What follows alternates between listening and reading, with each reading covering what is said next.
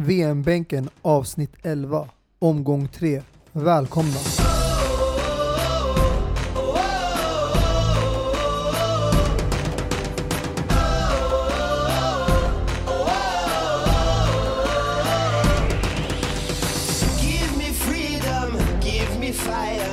Yes, och eh, likt Argentina som de bytte hela uppställningen i sista matchen i deras gruppomgång så har vi switchat ordningen lite här också. För att vi har inte med oss den vanliga truppen vi brukar ha med oss utan vi har eh, en lite annorlunda trupp. Vi har ju som vanligt Mustafa Ativi, den trogna eh, Lojala. lojala Mustafa som alltid är här. Mm. Och jag som också alltid är här. Men eh, Dini och Abbas kunde tyvärr inte vara med idag. Så vi har slängt in en eh, ny mittback i den här eh, uppställningen. Exakt. Och vi har med oss Anis. Du kan berätta lite om dig själv Anis. Yes. Namnet är Anis, eh, 23 år, är ett stort fotbollsfan. Har kollat fotboll i stort sett hela mitt liv. Spelar själv fotboll i Solna FC också. Eh, ett lag i ja, Solna. Mm. Eh, vi, är, eh, vi är ett eh, skönt gäng. Okej. Ja, Solna FC det är ju ett lag som vi har tagit upp tidigare här i podden och eh, det är ju, man kan ju säga att det är nästan vår systerförening Solna FC. Så mycket vi har kontakt, ledningarna har kontakt och vi har kontakt. Så att eh, du kan berätta lite om Solna FC, vilken division spelar ni i nu? Yes, vi spelar i division 5. Mm. Eh, vi startade igen för två år sedan efter det var nedlagt. Och Mm. Då började vi om i sjuan. Och då hette det Blue Hill va? När innan det. Eh, nej, Blue Hill var ett annat Det lag. var ett annat lag? Det var ett annat lag, Okej. men det finns, det, alltså kontakten har alltid funnits Ja. mellan dem. Men vi startade sjuan och så eh, gick vi upp eh, direkt första året och Mm. så gick vi upp från sexan också direkt. Så nu är vi i femman. Och det här året, hur ser det ut då? Det här året, eh, det ser bra ut. Det var inte, I början var det lite sisådär, det gick lite hackigt och sen, eh, sen så rullade det på på slutet. Så nu avslutar vi eh, vårsäsongen eh, som etta då. Mm. Så att nu går det bra. Jag, jag tror att vi går upp till fyran. Okej, och nu har ni uppehåll eller? Nu har vi uppehåll, sommaruppehållet det här. äh, Till och med. Att, det är skönt. Ja. Jag till, själv, till och med, hur länge har ni uppehåll? Eh, vi har till augusti, början av Augusti, augusti har vi Okej. uppehållet till. Ja. Så då handlar det om att försöka hålla sig så bra Skadefri. form som möjligt och bra, alltså bra form och Ja. allt det där. Så att man håller igång lite också. Helt rätt, helt rätt. Men eh, ja, i alla fall, då har ni lärt känna Anis lite då. Eh, vi kan hoppa rakt in i omgång tre.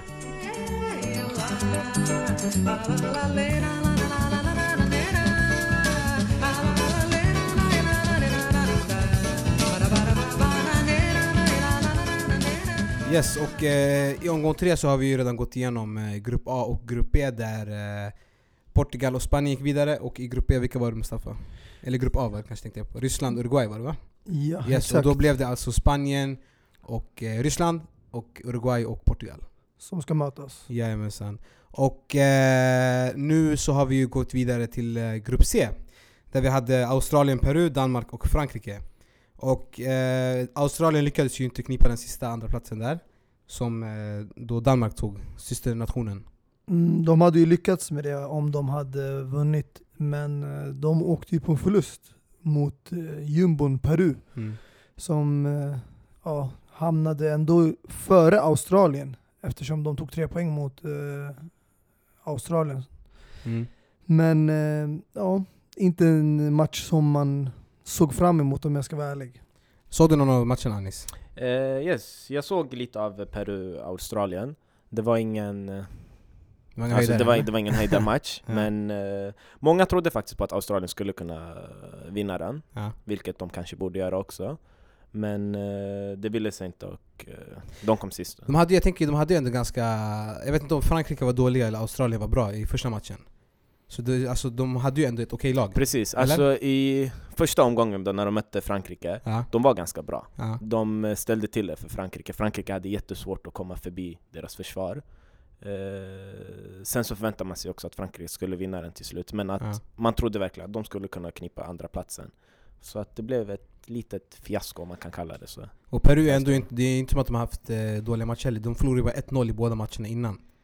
Så att det var inte som att det var alltså liksom 5-6-0 varje match de torskade med. Det var inte ett dåligt lag om vi säger så. Precis, de är alltså... De är Det är inget okej. superlag, men det är Precis, ju det inte- är inget det är det. Ja. De är okej. Ja. Det- De är inte mer Ingen Men om jag säger såhär, var det de ska- överraskande hur den här gruppen slutade med Frankrike som ett och Danmark som tvåa?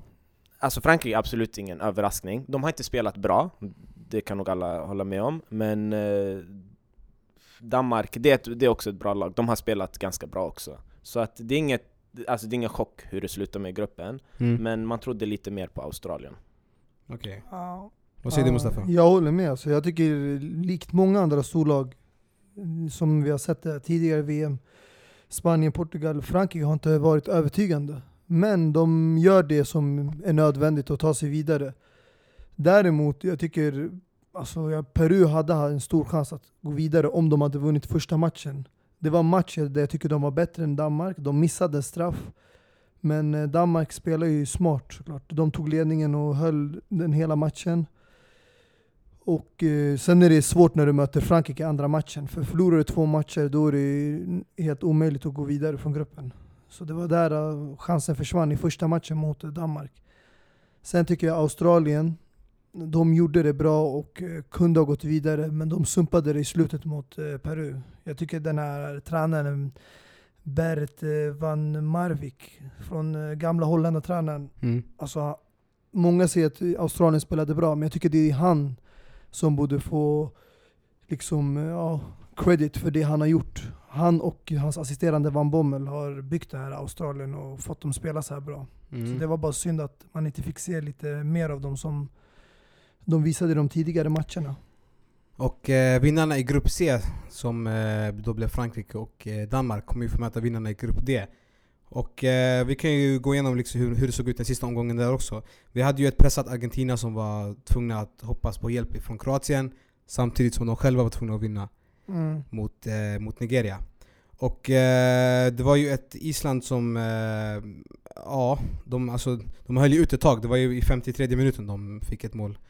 I sig. Ett eh, Kroatien som vi kan lägga till också, så vilade många spelare. Mm. Många viktiga spelare i det laget. Och eh, ja, och sen eh, så löste ju Argentina det på egen hand också med eh, deras vinst som också blev 1-2 då mot Mm. eh, Nigeria.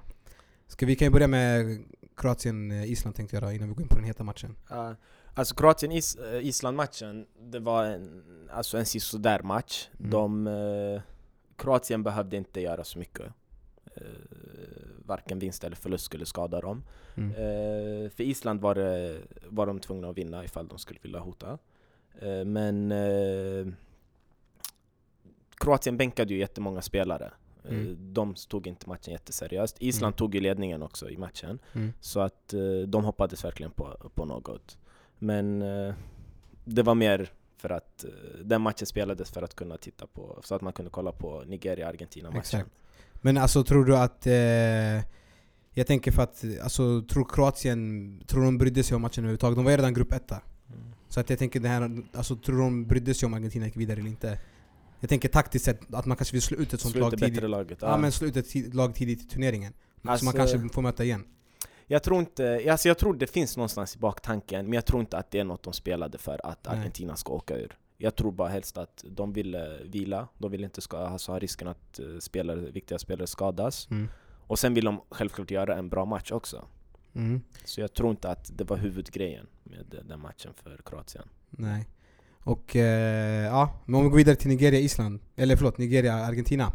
Det var ju också en match där det var mycket känslor, mycket heta grejer som hände innan matchen. Mm. Det är bland annat, eh, det var bland annat tal om eh, myteri, att man försökte, man försökte kasta ut deras tränare och eh, Messi och grabbarna tog över. Och eh, det kom ut, även ut ett, under matchen det kom ut ett videoklipp där tränaren frågar Messi kan jag ta in Agüero? Liksom, är det okej? Och han ger honom en nicka om jag tar in honom. Så att Alltså, eh, det var ju ett lag som var pressat att vinna med Messi som eh, alltså, hade ganska mycket på spel också för sin egen karriär. För att, alltså hans efterspel, liksom, man ska säga om han är världens bästa spelare eller inte. Det är mycket sånt där snack också, mycket press på hans axlar. Ja, Alltså jag tycker helt ärligt, om Messi verkligen har en sån stor påverkan i landslaget som han har, vi säger i klubblaget, när det kommer till eh, uttag av truppen och vilka som ska starta och så, då Mm. tycker jag han får fan ta ansvaret och bära kritiken när de väl förlorar. Och så tog han ansvaret att göra sitt första målet, första målet i matchen där. Och första målet i VM Mm. hittills. Precis. Så vad jag Vilket försöker säga är ändå, jag, jag tror inte så mycket på det där skitsnacket när det kommer tränare och så. Tror jag på det? tror att tränaren, den där just tränaren, Sampali, Mm. Han är ändå en tränare med stor karaktär. Han har en aura där han påverkar spelare. Jag tror bara han har varit ganska osäker. med vilka spelare som han tror mest på. Det är därför han har skiftat med elvorna på alla tre matcher. Han har inte varit ganska säker på en startelva.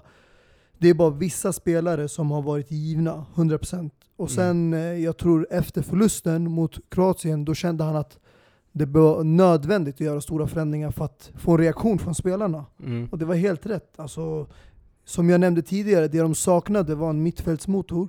Någon som kan föra fram bollen från mittfält eller försvaret till anfallarna. Mm. Och det fick de i Ever Banega. Precis. Han som gjorde första assisten till eh, Messi. Han Precis. kom in och gjorde den där skillnaden. Och sen tycker jag också det var en bra skillnad i försvaret när de satte in Rojo. Mm. Även om han är en spelare som kan eh, göra ja, dumma tacklingar, ta kort, så är han ändå en försvarare av bra kvalitet. Ja, det var ett Nigeria som var pressat att eh, i alla fall kryssa eller vinna. Och eh, Anis, Yes. vad tycker du om Nigerias insats? Alltså Nigeria, det är ett bra lag. De, eh, de kanske skulle kunna vinna den här matchen mot Argentina. De, eh, de spelar hyfsat bra. Stundtals under matchen så spelar de ut Argentina. De mycket möjligt, alltså mycket möjligt skulle de kunna ha en straff också. Eller två straffar. Mm. Eh, De, eh, de är ett bra lag. Jag tyckte väldigt synd, nu hejar jag på alla afrikanska lag, men jag tyckte väldigt synd om dem. För jag tyckte inte alls att Argentina allmänt har levt upp till alltså, sitt namn, sina spelare de har. Och jag tycker verkligen inte att de förtjänar att gå vidare. Eh, Men sen så har de ju sina spelare som kan avgöra en match på alltså, en halv sekund. Mm. Om man stänger av, då avgör de den. Så att eh, de... eh, Det, du menar att det är skillnaden alltså? Det är, alltså, det är den största skillnaden. Mm. De har Messi, de har Agüero, de stoppade in, de har Higuain, de har Di Maria, de har Dybala.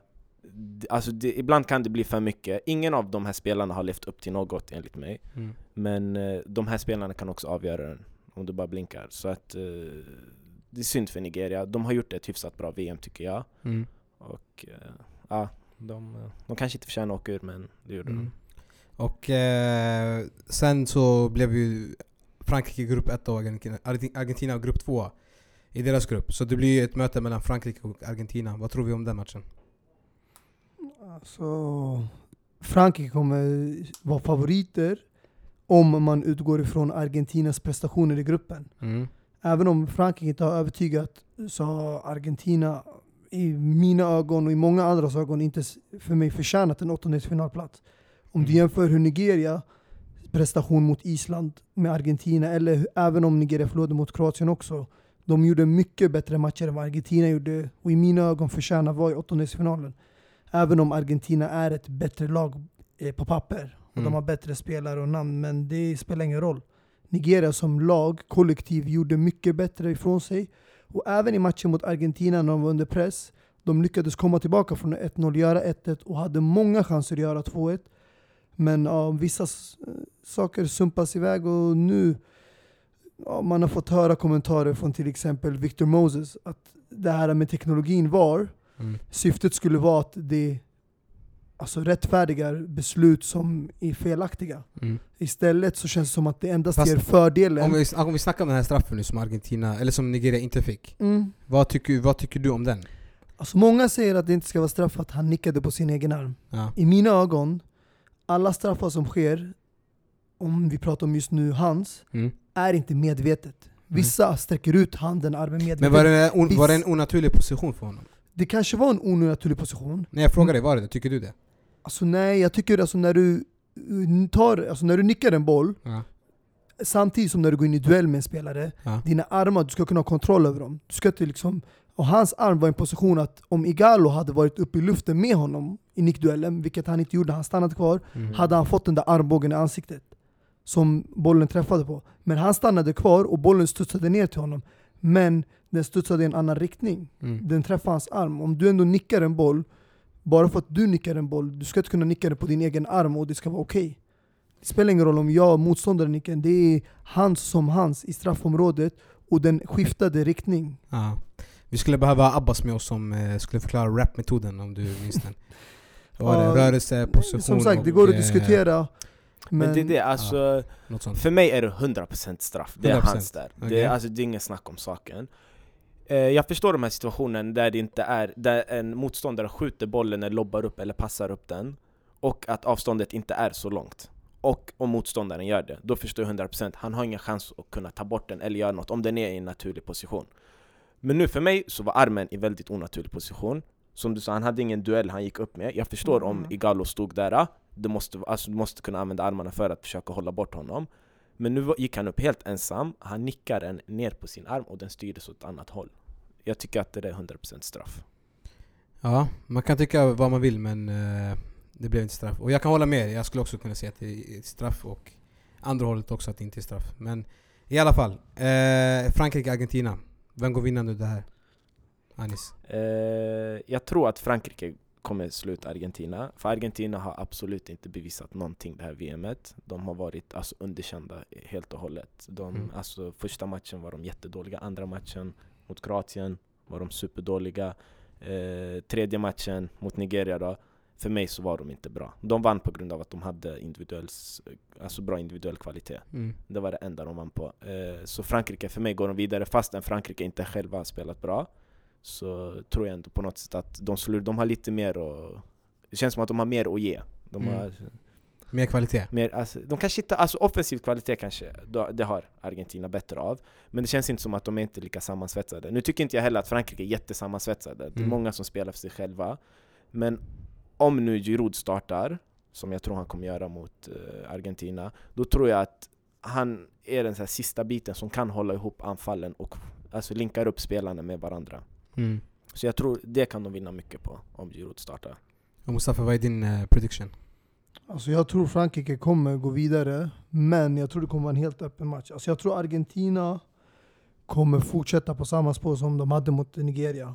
Alltså han kommer byta ut hela elvan. Han kommer spela med många spelare som har varit i bänken. Eh, bland annat Higuain, eh, Rojo, eh, sen har du också Banega. Mm. Mycket möjligt också att eh, Lucas Biglia kanske får starta. Han har varit bänk två senaste matcherna. Han fick Mm. ju bara spela första matchen. Så det är en öppen match. Jag tror allting handlar om vilken inställning de här spelarna kommer. Jag tror Frankrike känner sig mer bekväma i sin sits. För de, eh, ja, de har spelat mer med varandra och de har inte ändrat så mycket på elvan. Men om jag frågar så här, tror ni att Frankrike hade tagit ett Kroatien hellre än ett Argentina? Självklart Jag tror Argentina. Argentina alla dagar i Argentina. veckan. För att Argentina är, eh, hur ska man säga, de är, de är inte hela. De känns lite splittrade i truppen bland varandra. Man, bara Mm. det här ryktet med tränare och de spelarna, bara det får du en att känna att de här är inte liksom tillsammans nu. Det är liksom en tränare som man pratar om som inte ens har spelarna bakom sin rygg. Mm. Och han ska ta sig hela vägen till final. Mm. Det kommer inte räcka med att han är en av världens bästa fotbollsspelare på planen. Det krävs mycket mer. Okej, och så hade vi en sista, eh, vad heter det? Åttondelsfinalen i den här, mellan de här två, grupp, två grupperna. Det är ju Kroatien och Danmark, vad tror vi om den? Ja, den är självklart för mig. Alltså, Den är självklar? Den okej. är jättesjälvklar. alltså Danmark, det är, jag skulle tycka att Danmark är skitbra på att försvara. De höll nollan mot Peru, de höll nollan mot Frankrike också. Men eh, du kan inte sitta och försvara i en åttondelsfinal i 90 minuter. Och Kroatien eh, har självförtroendet på topp. Alltså för mig, Kroatien hittills är en av de bästa lagen i VM. Och eh, ja, de kommer nog sluta. Alltså, det är en självklar match på papper och vad jag tror som kommer ske också under matchen. Sen som du sa, Danmark har ett väldigt bra försvar. De har, liksom, det känns som att de har försvarat sig fram till en åttondel.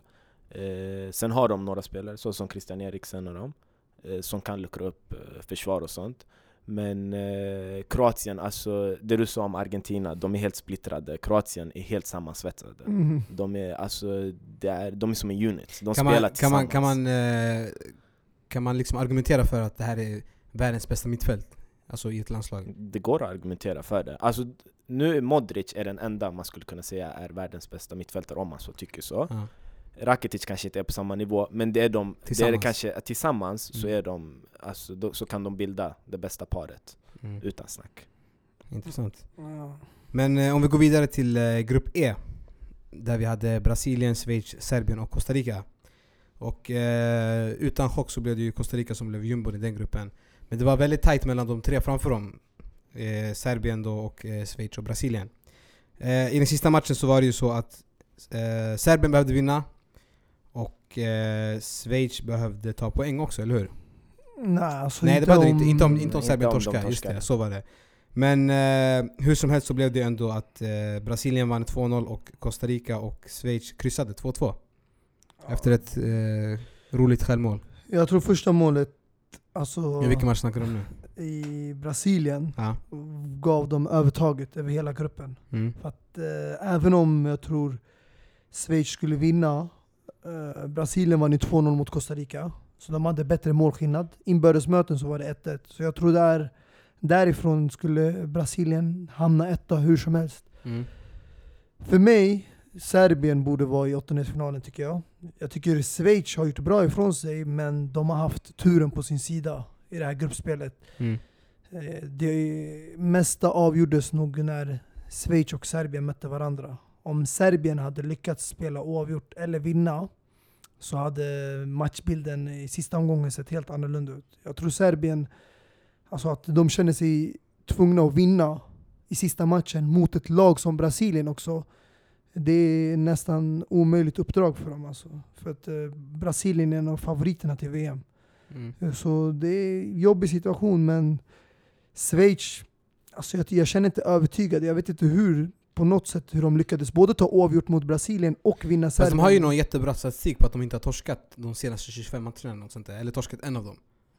Ja, Så det är inte, de är ändå sjätte plats i världsrankingen också, så jag menar det är inte så dåligt lag. det är inte så dåligt, inte heller på pappret. Men du tycker Men- att de inte övertygat spelet? Exakt spelmässigt, Ja, när jag kollar okej. matchbilden hur de såg ut. Ja. Jag tycker både Brasilien och Serbien förtjänade vinna över Schweiz. Mm. Och i Serbien, alltså det var mycket kontroversiella beslut som gjorde att Serbien blev frustrerade.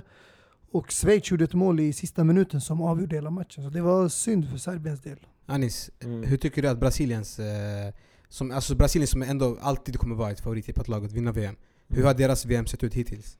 Den har varit sådär också, det är som nästan alla stora lag. Eh, De har spelat okej, det är mycket, inte sista minuten, men det är mycket på slutet. När andra laget är slutkörda så kommer någon eh, Coutinho, Neymar som gör någonting och sen är det avgjort.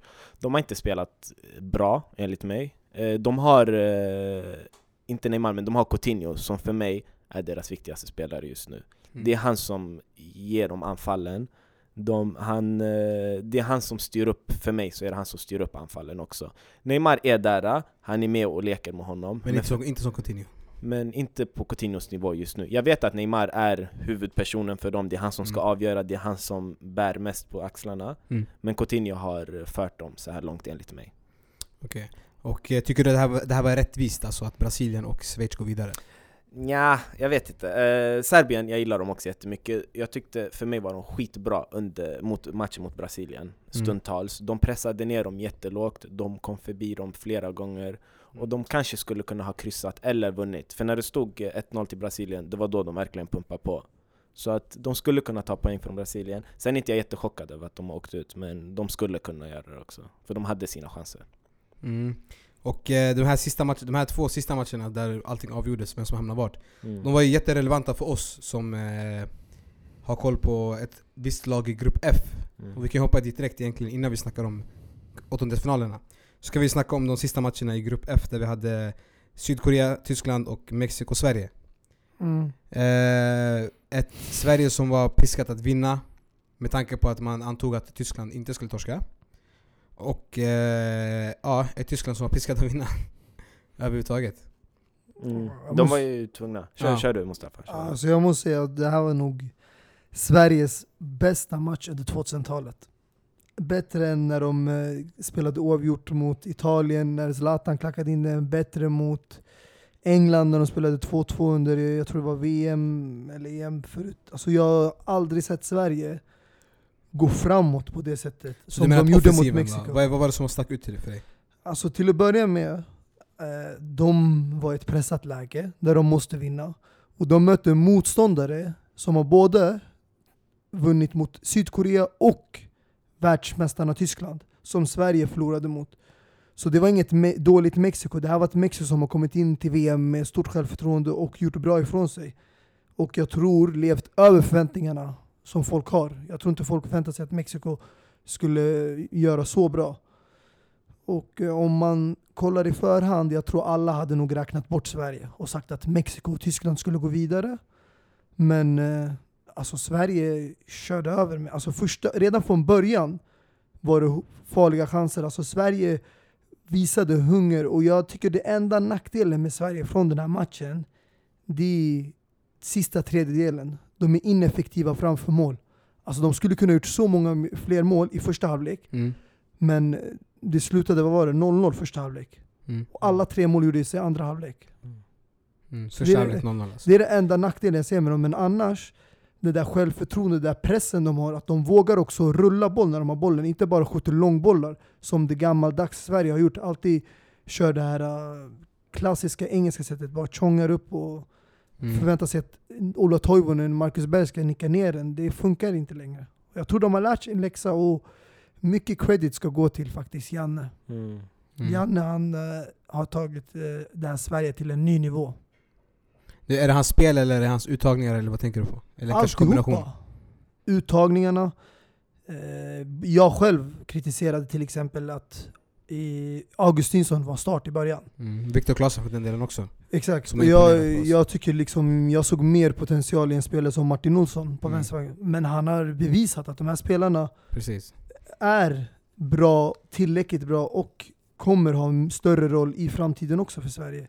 Och sen har Albin Ekdal fått förtroendet igen efter att han var petad förut. Och jag tycker han har gjort riktigt bra i att Sebastian Larsson som var en ytterspelare förut, han har tagit in honom i mitten nu Mm. och spelar in i mittfältare. Det där är många förändringar han har gjort i det här laget. Eh, Anis, Yes. var det ett Sverige som eh, var bara extremt bra eller var det ett Mexiko som underpresterade? Eh, jag tror det var en mix av båda två. Eh, Sverige var riktigt taggade. Man såg det från minut ett. Eh, Man visste att det här skulle... Jag visste inte att det skulle sluta som det gjorde, men man visste att det skulle bli en bra match. Eh, Mexiko, som alla vet så är det ett väldigt bra kontringslag. Sverige är inte mest kända för att rulla boll, spela ut, tillbaka, fram och tillbaka. Men eh, så den matchen passade lite halvt för Sverige eftersom att Mexiko, de är inte deras främsta grej är inte att rulla utanför boxen och skjuta in den, utan de ska gå på fart, de kommer gå på kanterna, in, snett in, så gör de mål. Så det passar bra för Sverige att möta dem. Men sen måste jag säga att jag måste ge min respekt för landslaget. Jag har aldrig gillat dem jättemycket, jag har aldrig varit ett stort fan. Men det här, det här resultatet måste man respektera. Sättet de spelade den här matchen på, kriget de hade i sig. Eh, första halvlek såg det riktigt bra ut. Andra halvlek så såg det ungefär likadant ut, bara att de satte sina chanser nu. De, eh, de gav allt de hade. Eh, och det, alltså det, det, det gick långt för dem. Så, Hur viktig är alltså eh, lagkaptenen Granqvist för det här laget? Undrar jag också han är, alltså jag tror han är ganska viktig. Många vill, en del vill spela ner det, en del spelar för mycket på det. Eh, Men jag tror att han är ganska viktig för dem. Han, eh, jag tror att han är den där energin de behöver. För att stundtals under matcher, så som mot eh, Sydkorea var det, Mm. och mot eh, Mexiko också, där han driver på, man ser hur han alltså, drar upp bollen från backlinjen. Jag tror den Mm. där, det där ger folket energi i laget. Mm. De, jag tror de känner av att alltså, de förstår vikten av matchen, de förstår vikten av hur vi ska spela, de förstår vikt, alltså de får den där energin i sig och jag tror det ger dem mycket. Och sen så är han säkert en riktigt bra kapten, han pratar säkert bra med dem, han, ger, alltså, ger dem, han säger rätt saker till dem. Så att jag tror att han är ganska viktig. Och sen får man inte glömma mot Italien också hur han offrade sig för att de skulle kunna komma till VM. Så att eh, jag tror han är en stor del av energin Sverige har i sig. Mm. Och så hade vi ju ett eh, Tyskland som eh, också var tvungna att vinna. För att eh, egentligen ta första platsen i gruppen. Men hamnade sist. Alltså, Vad eh, säger vi om deras VM? Det är, det är skandal. Det finns inget mer att lägga till. Alltså, de är före detta VM-mästarna och de har inget dåligt lag på papper. Alltså, det är ingenting man kan klaga på. Alltså, nu skulle jag inte säga att man kan lägga hela skulden på tränaren, Löv, men jag tycker för att jag såg också att Tyskland hade eh, några få chanser där de ska kunna göra mål. Men eh, största ansvaret kommer hamna på honom för att han har tagit ut den här truppen. Han har haft många spelare att välja, eh, välja mellan och den största är nog Leroy Sané som blev petad och har varit en av Tysklands bästa spelare i klubblagssäsongen.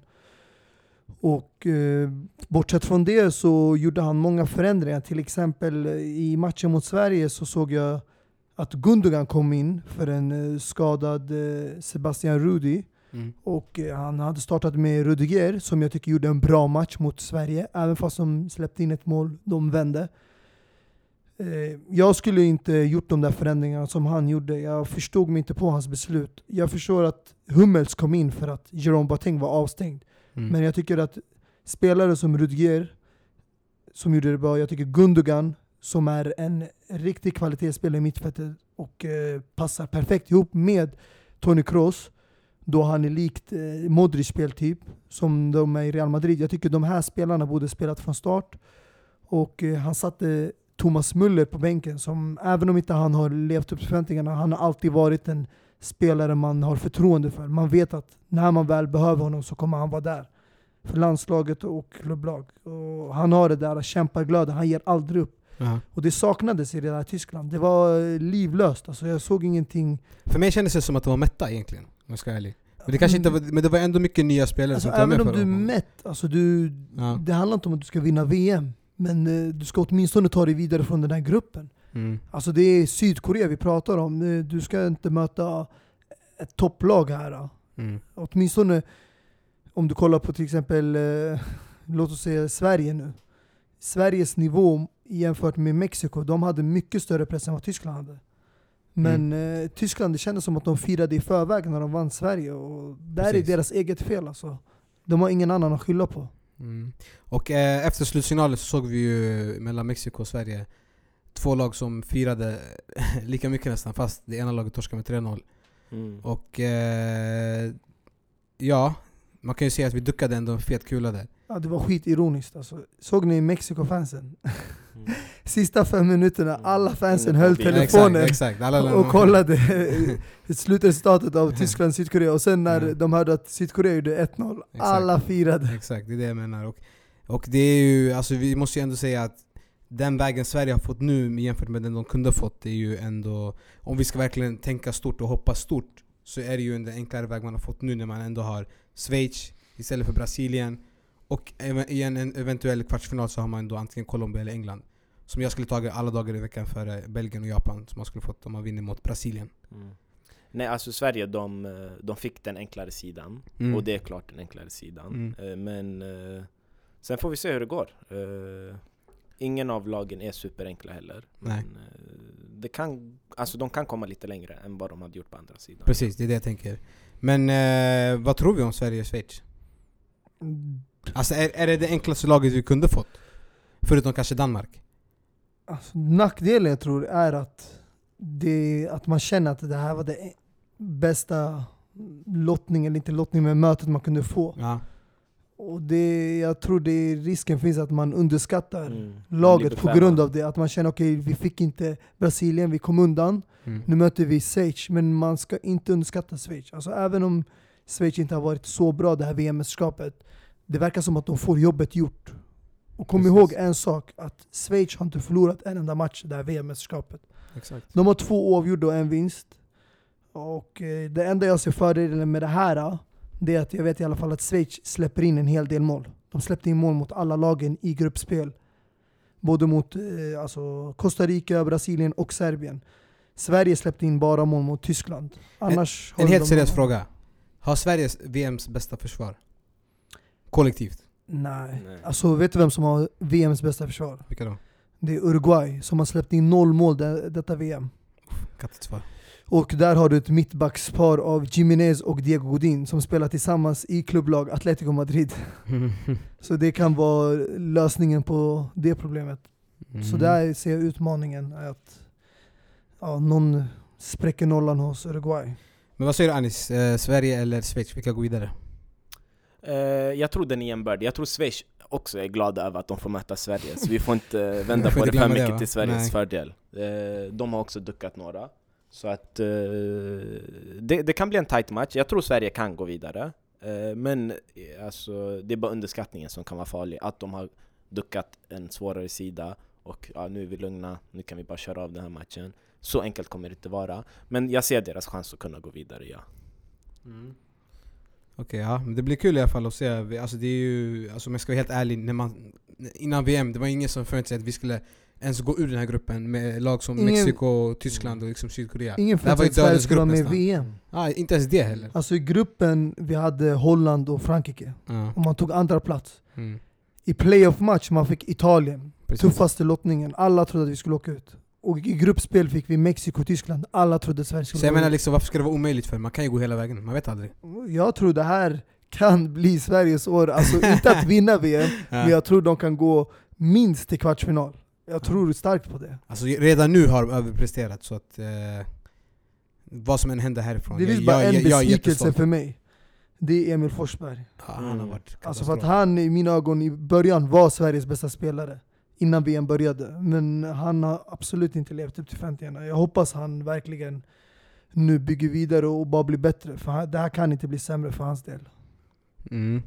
Och eh, om vi går vidare till grupp G, där vi hade Belgik, England, Tunisien och Panama. Ja, en grupp som var redan avgjord. Ja, den var väldigt avgjord i, innan eh, sista matchen. Och eh, sista matchen var det ju mycket om vem som skulle vinna och vem som skulle förlora Mm. på förhand. För det handlar ju liksom om eh, vilka man får i åttondelsfinalerna. Och det blev i alla fall till slut att eh, Belgien vann 1-0. Efter ett otroligt mål av, vad heter han, Januzaj. Mm. Och Ja, eh, vad tycker vi om den matchen? Eller vad tycker vi om eh, deras resa överhuvudtaget, båda, grupper, båda lagen? England och Tunisien, eller förlåt, Ja. England och Belgien. Öppen match alltså. Eh, ingen, det kändes inte som att någon av lagen brydde sig om att vinna egentligen gruppen. För båda lagen ställde upp med B-betonat lag. Det var mycket spelare som har suttit på bänken och fick chansen att visa sig i sista matchen. Så jag tror båda länderna ville vila stjärnspelare, eh, undvika skador och så inför åttondelsfinalerna och eh, låta andra få chansen. Sen mm, tror jag det var bara att eh, Belgien hade turen med sig och liksom tog hem segern. Alltså, England satte press på dem i början, men det var Belgien som skapade de farligaste målchanserna. Så jag tycker de förtjänade vinna den matchen. Mm. Okej. Som eh, Martin sa innan matchen också, vinsten är inte huvudgrejen för dem. Att de ska spela bra. För att de, eh, det var bara Courtois som är ordinarie som startade matchen. Boyata, han är ju ersättare för Company som kom tillbaka just den matchen. Resten är alltså avbytare. Så att eh, han ville bara se hur sammansvetsade de är som lag. Vilket de bevisade att de var ganska hyfsat. Sen var det bra spelare som kom in, så som Dembele som kanske borde starta för dem. Eh, Michi gjorde det helt okej där framme. Eh, Janosaj som gjorde ett riktigt fint mål. Så att de har ett jättebrett lag också. Det är en typ en helt ny startelva de har satt in. Och de kunde slå England. Så att det säger ganska mycket om dem. Sen så tror jag matchen, alltså när matchen pågick, när det stod 0-0, så var båda lagen lite... De visste inte liksom, ska vi göra mål, ska de göra mål, vad är bäst för oss? Man såg några situationer där, Mm. man, man, det var som att någon bara, alltså man väntade på att någon skulle göra det, Mm. och ingen av dem gjorde det, men till slut så gjorde Genocide det. Och han gjorde det lite mer för sin egna skull än för om Belgien ska vinna eller inte. Han ville också kunna bevisa och kunna ta sin... han kunde ju spela för England, eller hur? Eller det var ju många lag han kunde spela för. Exakt, han hade ju chansen att... England, Belgien, Belgien. eh, Albanien. Ja, det var något tredje lag. Ja. Jag kommer inte ihåg. Men eh, Ja. det verkar som att han valde rätt till slut. tror det. ja. Och så hade vi ju Tunisien också som eh, gjorde en vändning mot eh, Panama i slutet där. Och Ja. kom, kom tillbaka med en eh, 2-1 vinst. Vad tycker vi om deras VM hittills? Tunisien tänker jag på. Ja, det är inte det bästa VM, men jag tycker det är alltid bra att få vinna en VM-match. Även om man åker ut för lag som eh, ja, Peru som vann, Saudiarabien som vann sista matchen. Många av de här lagen som har åkt ut och varit klara. Sydkorea, vi såg hur de firade mot Tyskland. Alltså, det är ändå en prestigematch. Alltså, att få vinna en VM-match är stort för sådana här länder. Så jag tror det var skönt för Tunisien att få komma iväg med en vinst. Och jag tycker det var helt välförtjänt faktiskt. Eh, De spelade riktigt bra mot Panama. De kunde lika gärna ha tagit poäng mot England också, som Mm. gjorde mål i 90 minuten. Precis. De har spelat väldigt bra och jag, måste, jag har varit imponerad av de här uh, två speciellt nordafrikanska lag och det är Marocko och Tunisien som jag tycker har spelat väldigt bra det här VM-mästerskapet. Ja, eh, Tunisien, de har, eh, inte chockerat, men de har gjort det bra. Eh, som du sa, England-matchen, så kanske de skulle komma iväg med ett kryss. Faktiskt mot Belgien också. Stundtals så pressar de dem ganska bra. De fick till och med in ett mål. Två mål. Två mål var det också. Ja, ett var på slutet. Men det där målet, eh, första målet, det var ett ganska viktigt. Det gav dem mycket energi och de lyckades pressa och komma igenom Belgien ett tag. Så att de, de har varit ganska bra faktiskt. Sen inte, Panama gjorde sitt andra mål i VM tror jag. Ja. Eh, Det var de lyckliga över också. Liksom. Så att, eh, man kan se att det betyder mycket för de mindre nationerna att göra mål och att komma iväg med någon poäng. Fast det är ett betydelselöst poäng. Precis.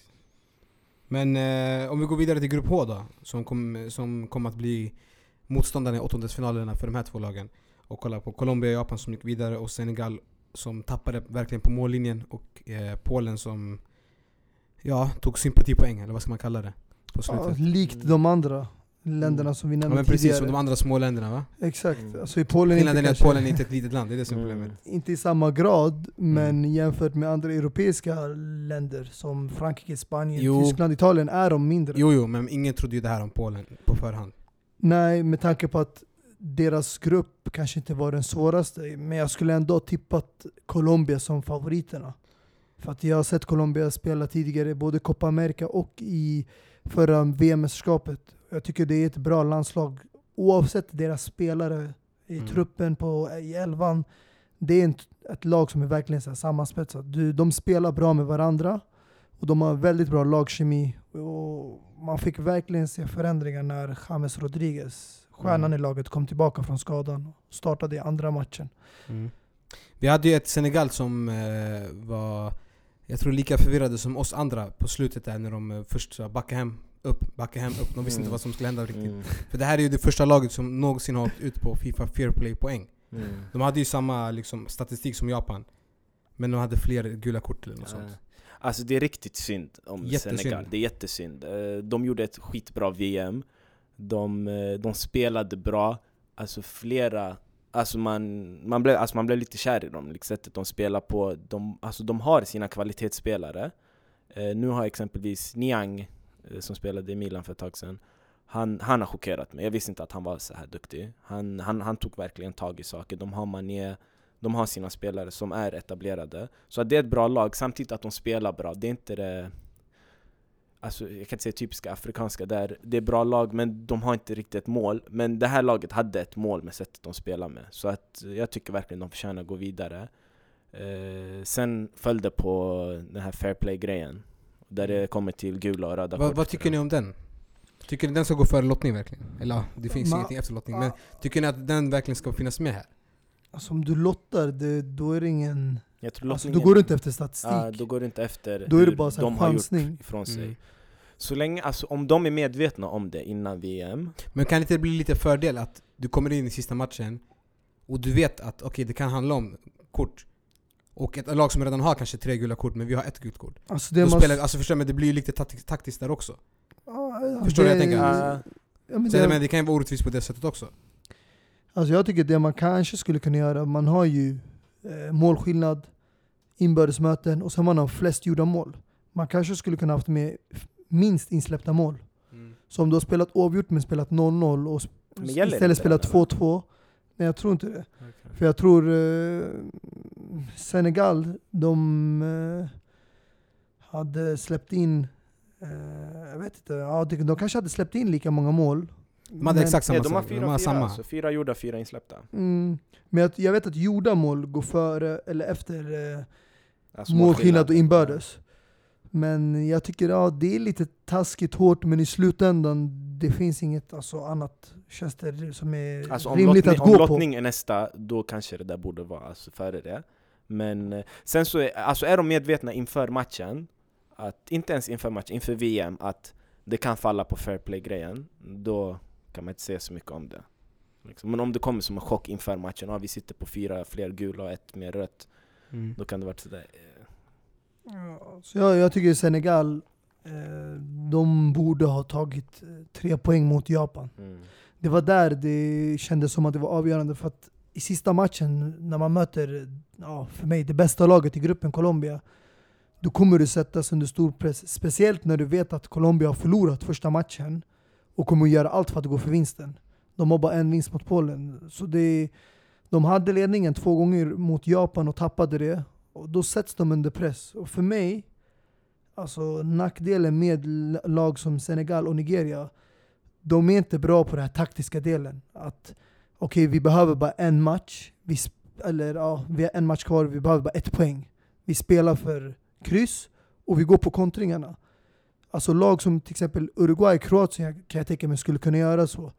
Men de här lagen, det är så här om de börjar försvara, då släpper de in, alltså då, det finns ingen balans. Jag tycker istället för att satsa på det säkra, våga ta risken istället för att då kommer ni ändå spela med mer självförtroende, ni kommer våga mer. Men annars man för, sätter för mycket press på spelarna, och även om de har bra, alltså jag tycker Senegal har en av världens bästa mittbackar i Koulibaly. Jag tycker ändå det är liksom, du måste ändå tänka liksom det här, är- det är ett lag som du möter som alltså slog Polen med 3-0, Mm. Colombia. Det är Mm. inget lätt lag du möter, du kan inte bara sitta och försvara mot dem.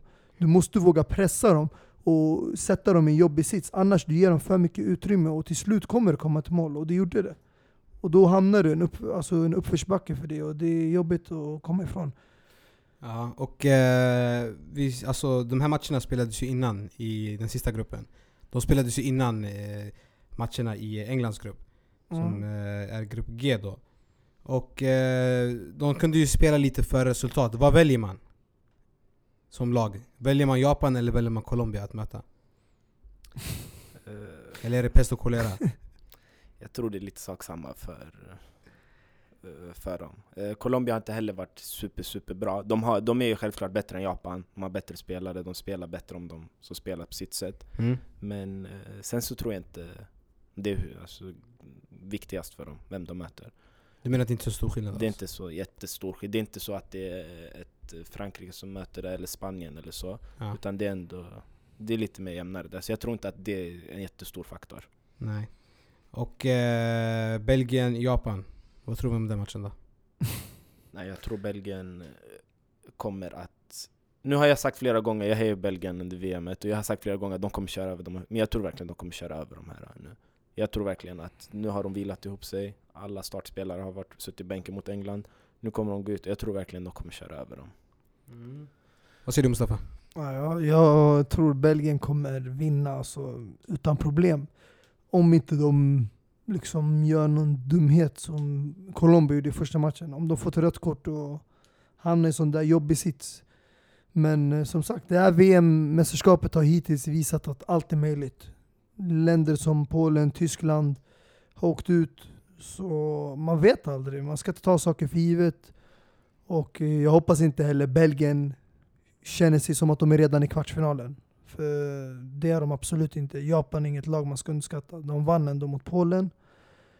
Och, eh, eller jag menar, de vann mot eh, Colombia. Men de har spelat bra även om de bara tog fyra poäng. Jag tycker alla lag som har tagit sig till åttondelsfinal, de flesta är bra lag som man inte ska underskatta. Så jag tror eh, den viktigaste matchen kommer bli England. Därför att England eh, har ett tufft motstånd i Colombia. Jag tror det där kommer bli en jämn match. Vad tror du Anis? Om eh, Eh, Colombia-England? Det, alltså det, jag tror det kommer bli en riktigt grym match. Eh, det är två bra, ganska bra spelande lag. Mm. Eh, England har ju sina kvalitetsspelare också. Vilket Colombia också har. Nu vet jag inte hur läget med James. Han gick ut skadad. Han gick ut skadad men eh, jag har Eh. inte sett någonting faktiskt. Ja, så det, jag tror det är en stor grej om han missar det. Mm. För eh, Colombias del. Om han är tillbaka, då är det en stor fördel för dem. Alltså han kunde, gå- han kunde gå ut för, på egen hand så att jag hoppas inte att det ska vara något jätteallvarligt. Men man byter ju inte ut någon onödan heller. Mm. Alltså jag tror han kom in till VM med en liten skada i Aha. vaden. Och så nu har det gått upp igen. Ja. Så att, eh, alltså vi får se, för han, kan, han, är, han är absolut en avgörande faktor Precis. för eh, Colombia. Som möter ett som vanligt överskattat England. Mm. Men jag tror faktiskt att England kan skada dem. Man vet aldrig. De skadade ju Tunisien i sista minuten. Mm. Nej, skämt åsido. Men eh, vinnarna i den gruppen, eller den åttondelsfinalen, mötte ju vinnarna i Sverige och Schweiz. Mm. Så att eh, för svensk del, vilket motstånd är bäst? Om man, Ja. går, om man går vidare från Schweiz då? Jag skulle säga faktiskt Colombia. Därför att nu det känns som att eh, ja, Sverige, de verkar spela bra mot lag som Mexiko, Colombia, de här snabba kontringslagen. Men å andra sidan, de har väldigt bra historia med England. De har alltid fått bra resultat mot England. Men eh, som vi själva sa tidigare, det här är ett helt nytt England. Det är, det är inte det här gamla stjärnspäckade England som har bara stornamn från alla toppklubbar. Så det kanske ser annorlunda ut. Jag, jag skulle helst undvika England för Sveriges del. Så, ja, om de ska ha chans att komma då till semifinal. Det är helt sjukt alltså, det är, att man ens kan prata i de här termerna alltså. Men, ja. men jag säger så här, Sverige slår Schweiz, de eh, möter sen Colombia som de också slår. Och eh, på något konstigt sätt så har Kroatien eh, lyckats slå Danmark och Spanien i deras kvartsfinal sen. Och så blir det semifinal mellan Sverige och eh, Kroatien. Och där tar resan Och där, slut. nej, och där vinner Sverige igen. och de möter Brasilien i final. Nej ska jag bara. Vi kommer åka ut i den här matchen. Nej. Men eh, skämt åsido. Nej, det var... Ja, det är omgång tre och eh, alla kvartsfinalerna är spikade då. Så att vi har ju Uruguay, Portugal, Frankrike, Argentina, Brasilien, Mexiko, Belgien, Japan, Spanien, Ryssland, Kroatien, Danmark, Sverige, Schweiz och Colombia, England. Så att det kommer bli väldigt intressant att se hur de här matcherna slutar och eh, vi hoppas som sagt på en enkel väg för eh, blågult. Och Ja. eh, det här skulle egentligen inte spelas in förrän vi hade åkt till Portugal. Men eh, nu så hann vi ju spela in det innan vi åker. Vi åker ju imorgon. Jag, Mustafa och eh, några till om de dyker upp på flygplatsen. De dyker, de dyker inte upp här i alla fall. Men eh, vi får ju tacka Anis för den här sista minuten i hoppet och... Eh, Tack själva, skitkul att vara här. då. Absolut. Önskar lycka till till eh, Swan FC Tack efter uppehållet. Jag hoppas de tar sig till division 4 Yes. och fortsätter på samma spår som eh, kanske Dalkurd hela vägen till toppen. Ja, får hoppas på det. Eh, Jag vet att många, flera lyssnar i Solna FC. De är också stora fan av er. Så att eh, vi får hoppas på det bästa. det gör vi absolut. Har ni någon match, eh, förut, ni har ju uppehåll nu, men har ni Svenska cupen eller någonting? Eh, nej det har vi inte. Den börjar eh, under höstsäsongen Ja. på slutet. Jag tror efter säsongens slut. Så att vi har ingen, vi kommer ha några träningsmatcher inför, Mm. eh, efter uppehåll, eller innan uppehållet är över. Så att eh, det är bara att titta förbi. Kommer Mm, heja på. absolut. Vi kommer eh, ge ut information om Sony FC om eh, det är någonting nytt som kommer ut och så vidare. Som sagt, det är vår systerförening. Och vi tackar eh, Anis för att han kunde komma idag och eh, vi är väl tillbaka förhoppningsvis i Portugal och vi får med oss utrustningen. Men vi, vi, vi skriver det på vår Instagram. Mm. Så tack för oss och peace! Tack. Give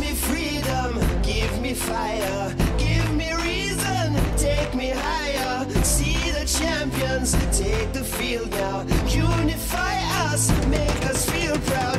In the streets, our heads are lifting as we lose our inhibition. Celebration, it surrounds us. Every nation, all around us, singing forever young. Singing songs underneath the sun. Let's rejoice in the beautiful game. And together at the end of the day, we all say I get older, I will be stronger. They'll call me freedom,